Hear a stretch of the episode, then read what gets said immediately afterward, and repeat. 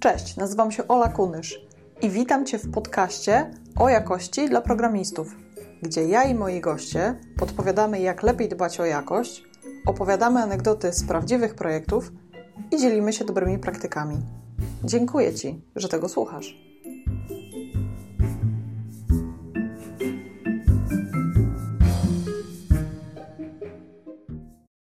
Zapraszam Cię do przesłuchania drugiej i ostatniej części rozmowy z Jarkiem Ratajskim. Jarek to prawdziwa legenda polskiego IT. Mówi o sobie, że jest programistą od dość dawna i że lubi programowanie od momentu, kiedy wpisał pierwsze trzy linijki w Basicu na Commodore 64. Przeszedł standardową ścieżkę swojego pokolenia od Basica, Assemblera przez C, C++, Java do Kotlina, Scali i Haskella. Jarek pracuje jako anarchitekt w firmie Ingenious GmbH w Szwajcarii, gdzie pomaga w tworzeniu i utrzymywaniu systemów w branży finansowej. W tej części dowiesz się, jakie sposoby nauki poleca Jarek, czy branża finansowa ma najwyżej postawioną poprzeczkę jakości oraz czy skauci są zawsze mile widziani w projekcie. Jako ciekawostkę dodam, że Jarek, jak prawdziwy korespondent, wdzwonił się niespodziewanie z dworca w Curychu, co potwierdza fakt, że Szwajcaria ma fantastyczną kolej ze świetnym internetem. Zapraszam. A powiedz mi, co polecasz do nauki e, testów, jakieś materiały? E, z czego ty się uczyłeś na przykład? Albo z czego Znaczy, się No ja właśnie jestem conference driven bardzo, to znaczy ja nie wiem, powiem tak, czasy kiedy ja tak czytałem nagminnie książki i jakby z nich się uczyłem, no to już są dosyć dawno, to, to minęły już nawet y, powiem, że w tej chwili jak czytam książkę, to wiem, to już jest zawsze historyczne, bo to jest przestarzała wiedza zwykle. Jak jest coś w książce wydrukowane, to znaczy, że już stare. Takie to smutne, ale tak trochę jest. I no i nie wiem, gdzieś, gdzieś tam dawno temu był ten czysty kod, Uncle Boba i tak dalej. Już nawet nie pamiętam w tej chwili, co w tych książkach było tak naprawdę, ale od tego czasu ja jeżdżę na konferencje i właśnie uczę się raczej z wykładów i patrzę. Tylko no, to jest tak, że e, jeden architekt mówi A, drugi mówi B. Trzeba sobie zawsze to. Nie można wierzyć jakby inaczej. To oczywiście, że są sprzeczne wręcz podawane informacje, sprzeczne pomysły.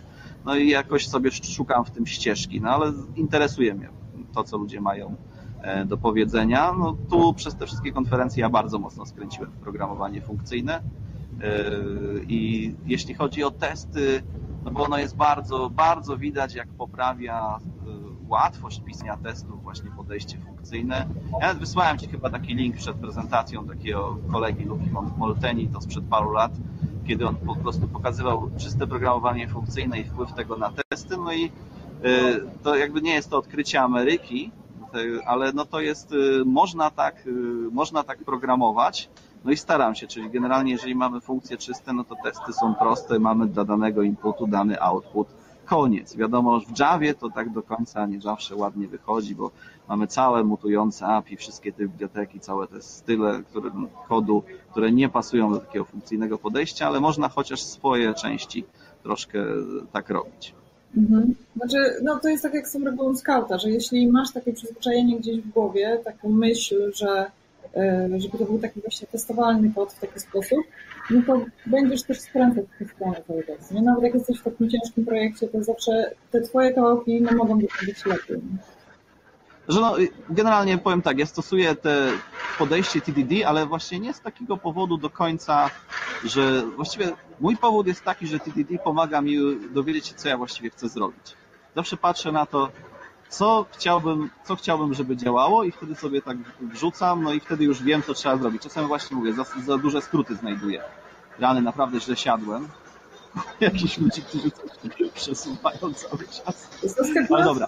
Słychać, także... Słucham? Mnie. Zaskakująco dobrze cię słychać, przynajmniej u mnie. Ale nie słychać takich hałasów? Właściwie. Słychać jakieś hałasy w tle mocne? No tak trochę, ale, ale zbiera ciebie. Znaczy, no bo ja taki, tak, tak sobie tutaj założyłem słuchawki z mikrofonem, żeby tak było, ale mam wrażenie, że jest ten hałas za duży. Ale dobra, no to fajnie, że nie jest aż tak źle. No, tak, e... taką, taką dobrą rolę tutaj, roboty. No to, to teraz tak, jeśli może tak z ciekawostek, parę lat temu zobaczyłem coś, co mi się bardzo spodobało, odwróconą piramidę testów. I bo testy są. Ja mam do testów pewien żal, bardzo duży. Jestem z wykształcenia matematykiem. Ja naprawdę skończyłem, mam magistra matematyki. Każdy lubi się chwalić. Ja mam magistra matematyki. I jak ja widzę test pod tytułem działa, bo test co to jest? To jest, można powiedzieć, że nasza funkcja, jakaś metoda w systemie, nasz kawałek kodu to jest jak twierdzenie. My chcemy udowodnić, że ono jest prawdziwe. Chcemy udowodnić, że ten fragment kodu to jest dobry. Są różne sposoby dowodzenia tego. No i test jest takim sposobem, ale test to jest takie dowodzenie. Twierdzenie działa dla jedynki, działa dla zera, działa dla trójki, więc przyjmiemy, że dobrze. No dusza matematyka wtedy po prostu dostaje cholery. Tak się tego nie robi. Chcielibyśmy jakoś tu lepiej, no ale powiem, tu jest oczywiście problem, bo gdybyśmy mieli maszynkę, która potrafi dowodzić kawałek kodu, to rozwiązywali, rozwiązywalibyśmy problem stopu i w ogóle zaoralibyśmy całą informatykę, bo to by było wszystko, czego potrzebujemy. Natomiast y, no, są różne rodzaje testów, jakby można powiedzieć, y, z punktu, ja zacznę teraz od dołu, takie coś jak unit test, że testujemy dla jakiejś tam wartości jednej, drugiej, trzeciej, to jest tak na samym dole, to jest taki najgorszy sposób, co możemy zrobić, ale on jest łatwy do zrobienia i na ogół się sprawdza.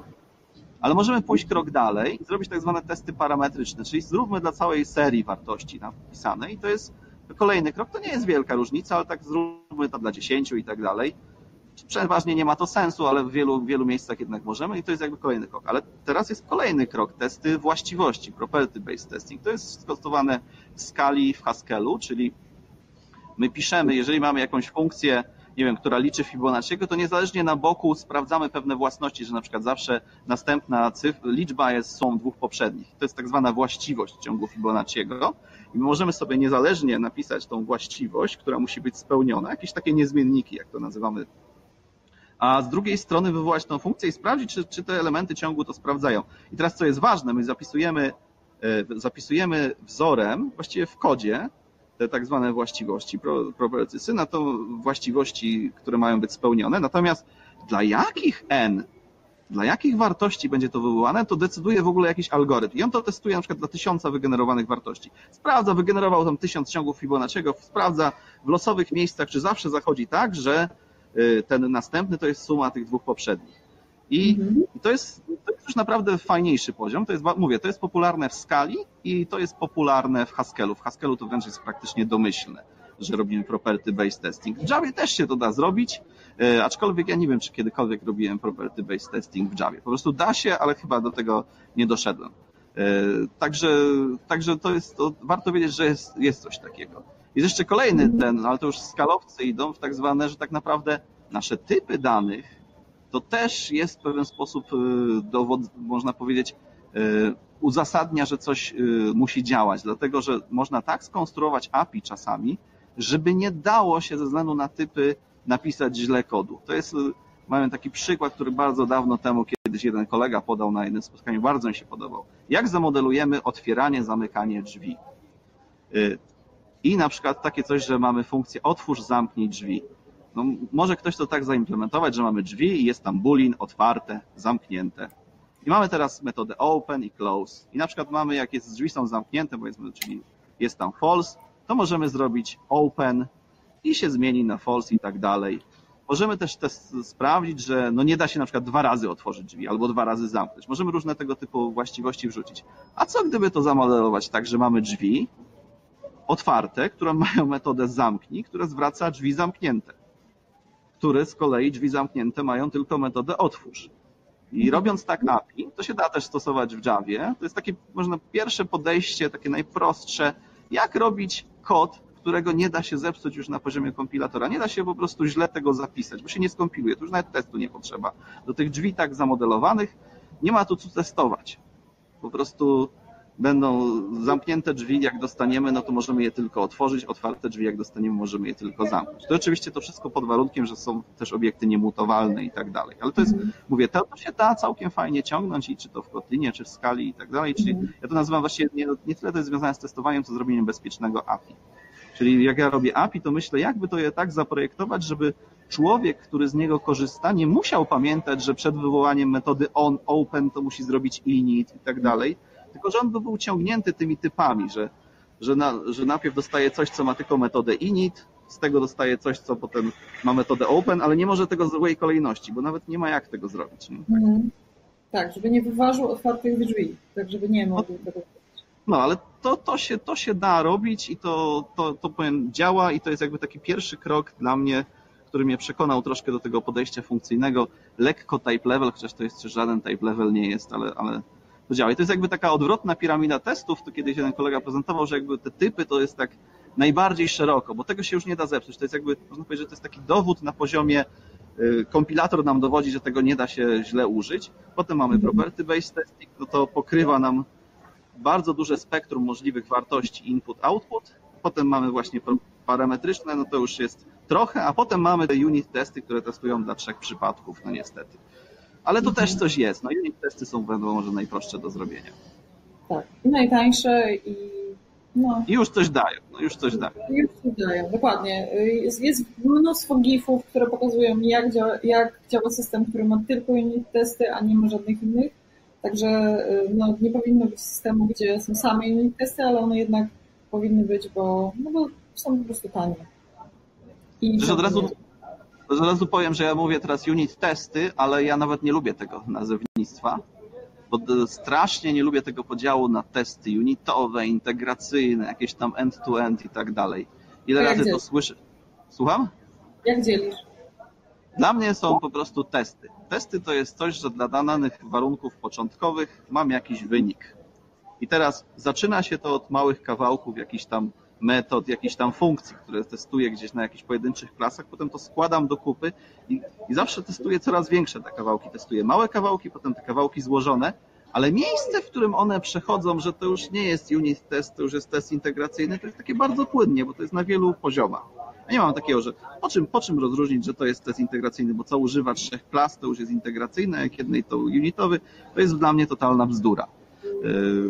No i generalnie to składanie, składanie następuje i gdzieś już jest tak, że prawie cały system, nawet z bazą danych jest za yy, podciągnięty i z tym wszystkim, ale ja nadal widzę to jako given, when, then. Dziękuję. Given taka baza, when ja tak zrobię, then takie coś mam. Niczym to się nie różni. Gdyby tam była zamiast tej bazy hashmapa, to połowę ludzi by powiedziało, to jest unit test, a to nagle, że jest baza danych, to się nagle robi z tego integration test. A dlaczego? A jaka jest różnica? W środku praktycznie nie ma żadnej. Także to jest tak, uważam, że ten podział jest często sztuczny. Dla mnie no jakby jest podział sensowny, e, kiedy mamy po prostu takie testy, które rzeczywiście dużo systemów angażują, one są wolne, więc można je jakoś tam specjalnie zamarkować, że są wolne. W tej chwili w JUnicie 5 jest to, y, w innych frameworkach mamy jakieś tagi, żeby na przykład nie były za każdym razem wykonywane i to jest tylko tyle. To już jest tylko efekt techniczny, że niestety sprzęty, które mamy, też nie wiem, 60-rdzeniowe komputery są nadal strasznie słabe, jak mamy jakąś bazę danych, więc trzeba takie rzeczy wyłączać powiedzmy z takiego normalnego cyklu. Mhm. E, słyszysz mnie, Jarek? Bo tutaj niektórzy mówią, że mnie coś zacina. Znaczy ja cię słyszę. Były, były takie momenty, że cię tam zacięło na chwilę. Cię boję okay. bardziej, że mnie zacina, ale spoko. Ciebie, ciebie też zacięło kilka razy, ale chyba niczego nie straciliśmy.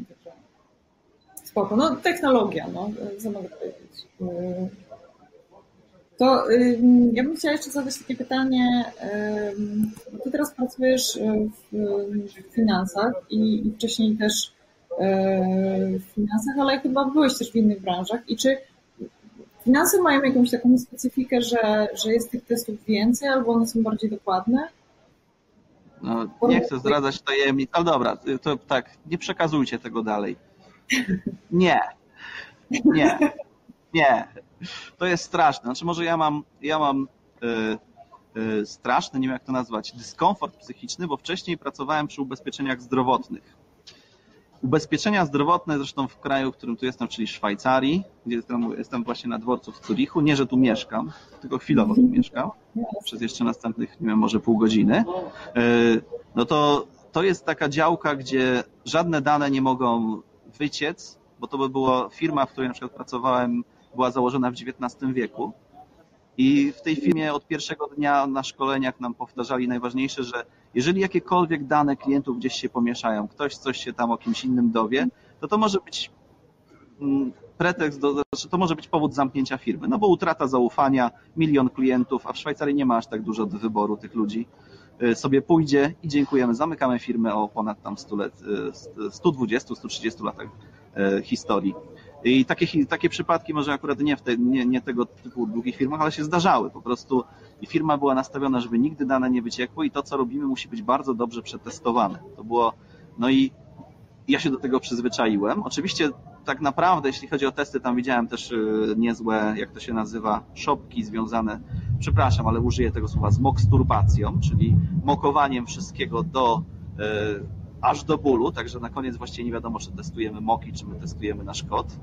No, ja, ja miałem przykłady projektów, gdzie tam były właśnie testowane moki, ale przynajmniej z zewnątrz to udawało nieźle. No i tam tego było strasznie dużo i też była bardzo dobra kontrola jakości poza, poza nawet, poza automatycznymi testami, testami end-to-end, właśnie no, typu było wykorzystane, jak się nazywa, Selenium i tak dalej. To były też testy właśnie ręczne przez ludzi robione na odpowiednich środowiskach i to było wszystko ileś razy tam testowane, sprawdzane. Zanim poszło na produkcję, to było aż trochę smutne, bo tej biurokracji było dużo. Z drugiej strony to była taka firma, gdzie ja spałem tak spokojnie. Wiedziałem, musiałbym się pomylić na nie wiem ilu miejscach, żeby po prostu coś złego się stało na produkcji, żebym na przykład zrobił błąd w bezpieczeństwie.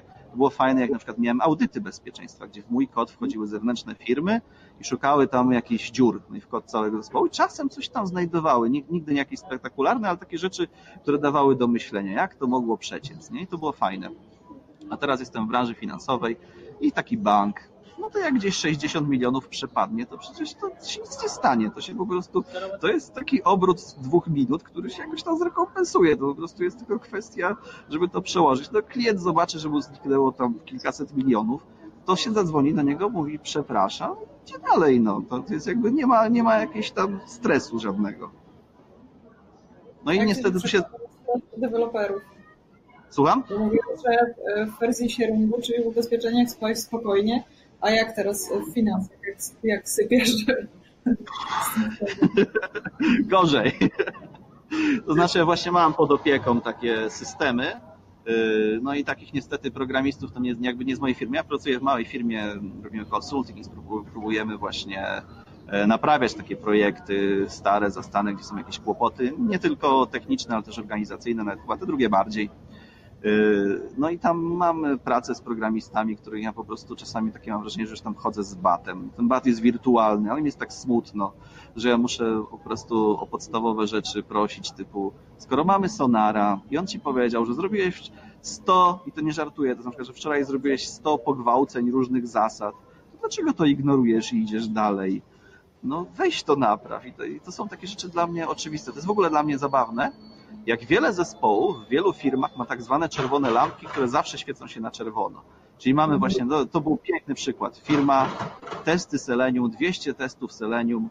W tym momencie odkrywam, że one od 6 miesięcy nigdy nie były wszystkie na zielono, zawsze były czerwono, a w tym czasie były trzy releasy produkcyjne. Co to znaczy? Poszliśmy na produkcję mając testy na czerwono.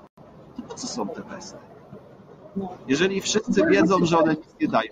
Pobite, nie? że już się nikt jakby tym nie przyjmuje, no bo...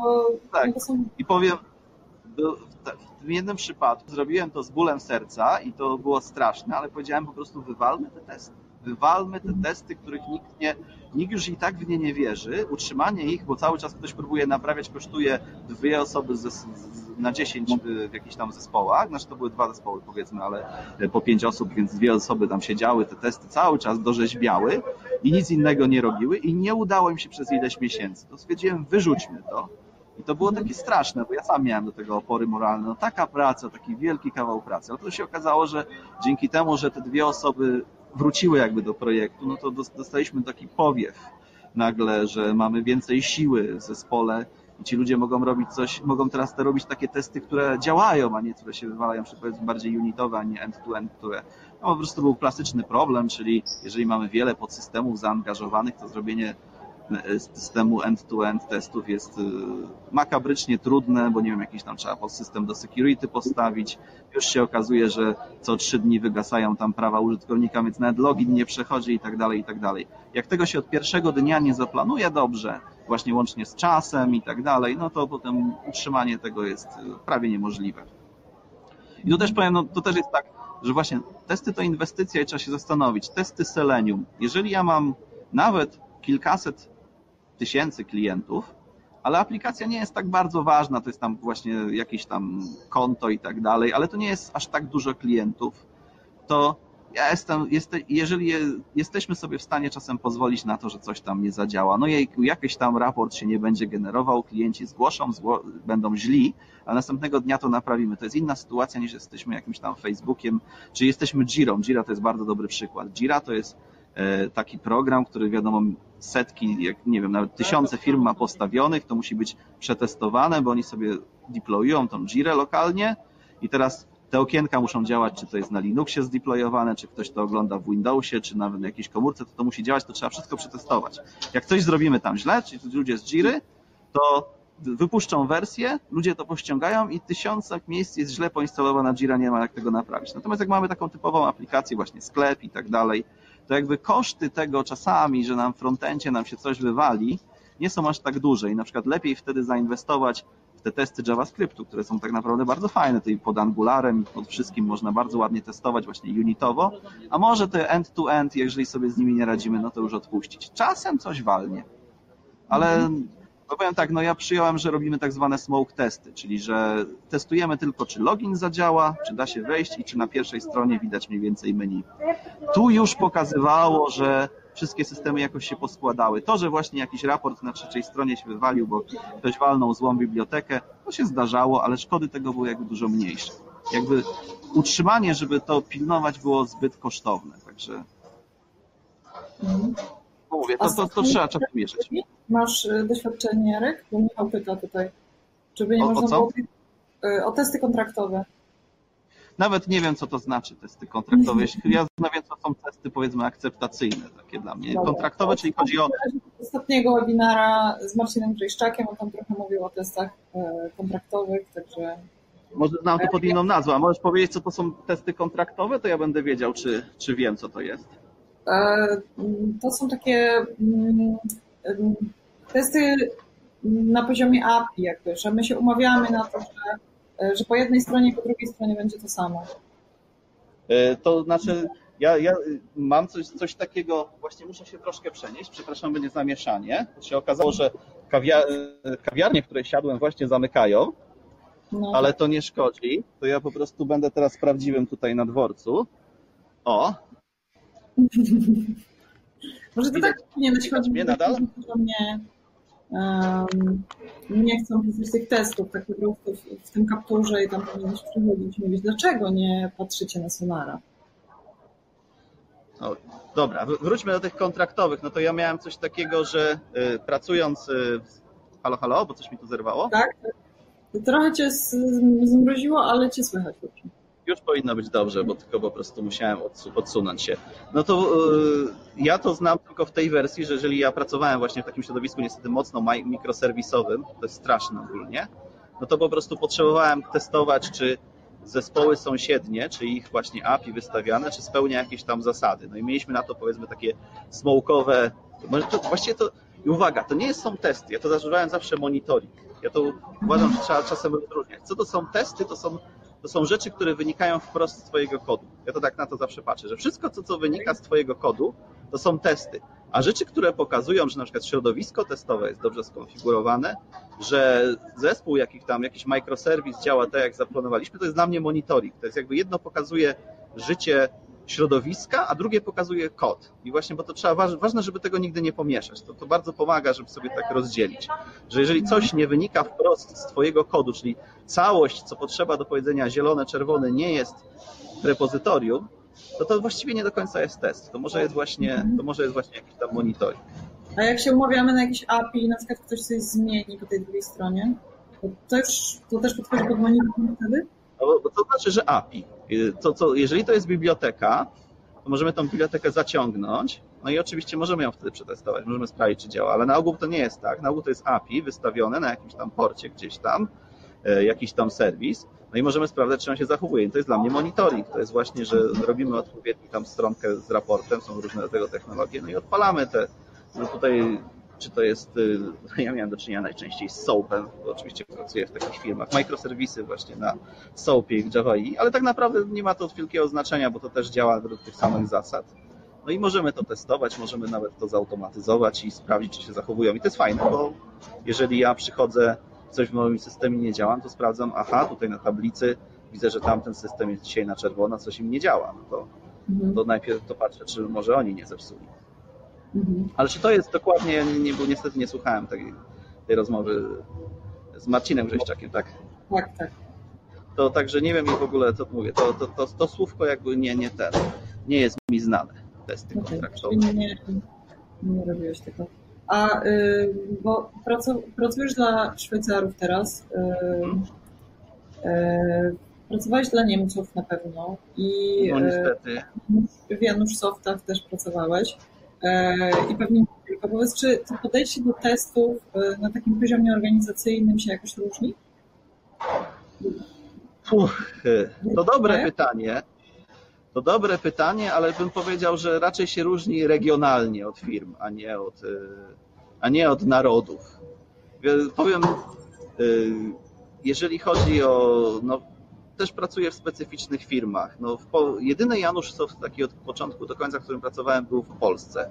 A to nie znaczy, że w Niemczech takich Janusz Softów nie ma. No, po prostu już na tym etapie, kiedy pracowałem dla, dla firm niemieckich, no to już unikałem takich Janusz Softów, także wiedziałem po czym poznać. Także trudno mi tak do końca powiedzieć, czy jest jakaś taka specjalna specyfika. Ja bym powiedział, że ja widzę w innych zachowaniach, ale w testach, szczerze mówiąc, y, nie bardzo. Jest, y, no po prostu na to też tak patrzę, że dla w innym okresie czasu i, i to były inne czasy, kiedy ja pracowałem w polskich firmach i w innym okresie czasu teraz pracuję dla Szwajcarów. Polskie firmy wiem, że teraz inaczej pracują niż 10 lat temu. Ten świat się zmienił. Z nim mm. jakby tutaj też nie mogę wyciągnąć. Natomiast ja widzę inne podejście, które mnie bardzo czasami rozbawia. E, w, w Polsce jest ta, no nie wiem, jest, wydaje mi się, że jakby nasze programiści jesteśmy jeszcze ciągle młodzi w Polsce i tacy głodni wiedzy. Ja teraz pracuję z programistami 50 plus na co dzień i to, i to jest w ogóle inne podejście. Nie jest tak, że oni są źli, inni, znaczy są inni. E, ja też już jestem trochę stary, ale dla nich jestem młody. To jest fajne. Mhm. I, i to jest jakby dla mnie. Z pięć lat temu to ja w ogóle wtedy dla nich byłam e, zaraz po szkole. I, e, I oni zupełnie faktycznie inaczej traktują tę pracę. Znaczy taki zespół akurat mi się trafił, że, że to po prostu była taka praca od 9 do 17, a potem do domu. Oni nie jeździli na konferencje, nie czytali książek, nie oglądali jakichś, nie wiem, na YouTubie filmów na ten temat. I to po prostu no. taka robota jak Każdej. Znaczy, są różni ci programiści, bo mówię, miałem też taki przykład takiego 50, plus, który mi ciągnął zespół pod kątem właśnie Java 8, y, wprowadzania tam wszystkich takich feature'ów, pisania lepszego, pisania testów, przepisywania właśnie z moków na prawdziwe testy, żebyśmy nie testowali moków. Miałem tutaj bardzo fajnego programistę, który w Szwajcarii pracował, e, ale był Niemcem i to był taki programista narzekający. Ja czasem lubię takich ludzi, którzy narzekają, bo mi narzekają, narzekają, a potem się, a potem można im powiedzieć, no dobra, to weź napraw. To jest oczywiście jest ból, ale to był, to był jeden z tych niewielu wyjątków, który się wziął i stwierdził, no dobra, to naprawię. Wywalczyłem czas, no i fajnie, bo bośmy razem naprawiali te systemy i właśnie poprawialiśmy wszędzie, gdzie wchodziliśmy i to było fajne. Ale mam też, miałem taki przykład programisty, który jak ja mówiłem, że teraz przerabiam ten system na Java 8, żebyśmy mogli tych lamp używać, pisać nowocześnie, to po prostu powiedział, no ale ja mam certyfikat z Java 1.6, ja się zatrudniłem jako 1.6, po co my to zmieniamy? Czego ja się muszę uczyć? I pamiętam, że to był taki, to był taki dzień, jak ja to usłyszałem na takim, powiedzmy stand-upie, to chyba był stand-up, już nie pamiętam, mogło być jakieś planowanie, że ja po prostu tak mi szczęka opadła. Rany. I co teraz? Ja myślałem, no. że wszyscy się ucieszą, że ja tutaj jakiś stary projekt, który nikt nie chciał wdeptywać, bo utkwił na Javie 6, że ja że go na ósemkę przeniosę. No, tak mi się wydawało to takie oczywiste, a tu ktoś mówi, że nie, że ja mu psuję cały koncept życia. To jest na dwa lata, tak czy siak, także nawet jak nie, mówisz, to... ja miałam kiedyś na 1.6 e, certyfikat, ale to już dawno nieważne jest chyba. Może tak być, no nie wiem, no kolega tutaj argumentował tym, że on po prostu się tak zatrudnił i tak ma i ma taki certyfikat. Chyba miał, bo ja go nie widziałem. E, dowcip polega na tym, dowcip polega na tym, że ta firma już wtedy płaciła bardzo duże pieniądze IBM-owi za Java 6, bo normalnie już przez Oracle wtedy nie była utrzymywana. Także nawet była finansowa kwestia, żeby wy, wy, wywalić tą Java 6. No ale mówię, nie wszyscy się cieszą i to jest takie, to jest takie podejście, które tutaj mnie zaskoczyło, bo nie wiem, w Polsce jestem troszkę chyba, nie wiem czy tak jest wszędzie, taki troszkę bardziej ten wyścig szczurów, czy tak ktoś się nauczy, to reszta czuje się zobowiązana, żeby się uczyć, najwyżej tam coś tam zaklinie i tak dalej, ale, ale nie ma tak, że oczywiście, no nie, po co? Mhm że wiadomo, że jest takie, po, po, co komu to potrzebne i tak dalej, to my zawsze mówimy, nie, po co komu ta skala, po co komu ten Haskell, a to funkcyjne, ale już no, raczej powiedzmy pewnych rzeczy, no nie ten, nie, nie wszystko tak kompletnie olewamy. No ale to mówię. Taki, taki wypadek. Mhm. Michał mówi, że certyfikaty z Java są dożywotnie, ale dla programisty czy dla Java? Ja, ja nie mam certyfikatu z Java, już chyba nie będę miał. I, i ileś razy powiedziałem do tego egzaminu. wersję, że wiesz, to nie ma sensu robić, nie? Bo to już zaraz jest nieważne. Znaczy powiem tak, miałem taki czas, że, że, że to by moim zdaniem miało sens, ale po prostu wtedy, wtedy już zacząłem jeździć na konferencje, później już nie miałem czasu, a teraz to już nawet właściwie nie chciałbym certyfikatu z Java. Ja już nawet w no. Javie mało piszę, także nawet pewnie bym już nie zdał. No tak przy pierwszym podejściu pewnie nie, bo tam dużo jest, takie książki są po stron, także... Znaczy nie, no zawsze mi się podobało, kiedyś robiłem tak, że zastanawiałem się, co by było i brałem sobie, robiłem takie testy, zawsze się, zawsze byłem zszokowany, że jak to, ja już 10 lat w Javie pracuję, a ciągle mnie coś zaskakuje. Czyli mhm. to, to, że na przykład mnie dwuwymiarowa tablica zaskakiwała, to żaden wstyd, bo to się tego nie używa, ale były takie rzeczy bardziej oczywiste, które czasami po prostu wow, nie wiedziałem o języku, który piszę 10 lat. To jest niesamowite. Dlatego w sumie nie wiem, czy warto mieć certyfikat z Java, ale warto czasem te kruczki oglądać, bo można znaleźć rzecz, która nawet wyjdzie nam czasem gdzieś tam na produkcji. Mhm. No, no, na tej zasadzie można ćwiczyć pytania na przykład na rozmowy kwalifikacyjne, nie? Bo też są takie rzeczy, których na co dzień się nie używa, a jednak dobrze jest wiedzieć, nie? żeby nie było wstydu. No to ja zawsze mam, ja mam zawsze ten problem. Ja prowadzę rozmowy, my rekrutujemy w ogóle, szukamy ludzi i zawsze jak to jest, żeby testować ludzi z rzeczy, które są nam potrzebne, a nie z rzeczy, którą ja przypadkowo wiem i na przykład mój kolega uważamy, że jest oczywista, ale jest oczywista tylko dlatego, że my akurat przy takich projektach siedzieliśmy, które być może no to jest bardzo trudne, żeby kogoś tak w miarę obiektywnie stestować. Taki trik, który starałem się stosować, e, ja przekonuję do niego firmie, że nawet jak ktoś zupełnie źle podpowiada, to żeby po prostu później zaprezentować e, jakby konsekwencje, jeżeli tak zrobiłeś program, to tak zadziała i co teraz. No i właśnie to ludzie mogą popełniać błędy, ale fajnie jak potrafią e, powiedzieć później, co się stało, jakby e, jak już widzą jakiś efekt błędu, potrafią dojść dlaczego. Nie? To, jest, to jest dla mnie e, wtedy jakby dowód, że ktoś jakoś tam analitycznie myśli. Zresztą tu miałem jakiś czas temu takie podejście, które niedawno mi w sumie, to było w rozmowie z Adamem Binem, wyszło czemu ja z niektórymi ludźmi jakby ciężko mi się pracuje, z niektórymi lepiej i w ogóle czemu ja niektórych technologii nie lubię, a niektóre bardziej. Bo odkryłem, że są tacy programiści i jest na ten temat nawet taki komiks, że jeden programista się męczy, męczy, on jest taki sławny, na pewno w sieci krąży, męczy, męczy, w pewnym momencie podziała. Co zrobiłeś? Zamieniłem te dwie linie kolejnością. I teraz są dwa rodzaje programistów. Jeden, jeden rodzaj programistów zamienia to i idzie na produkcję. Bo działa ja siedzę dzień, dwa albo trzy, wertuję specyfikację. Dlaczego? Czy to, bo to nie może być promienie kosmiczne, na ogół nie.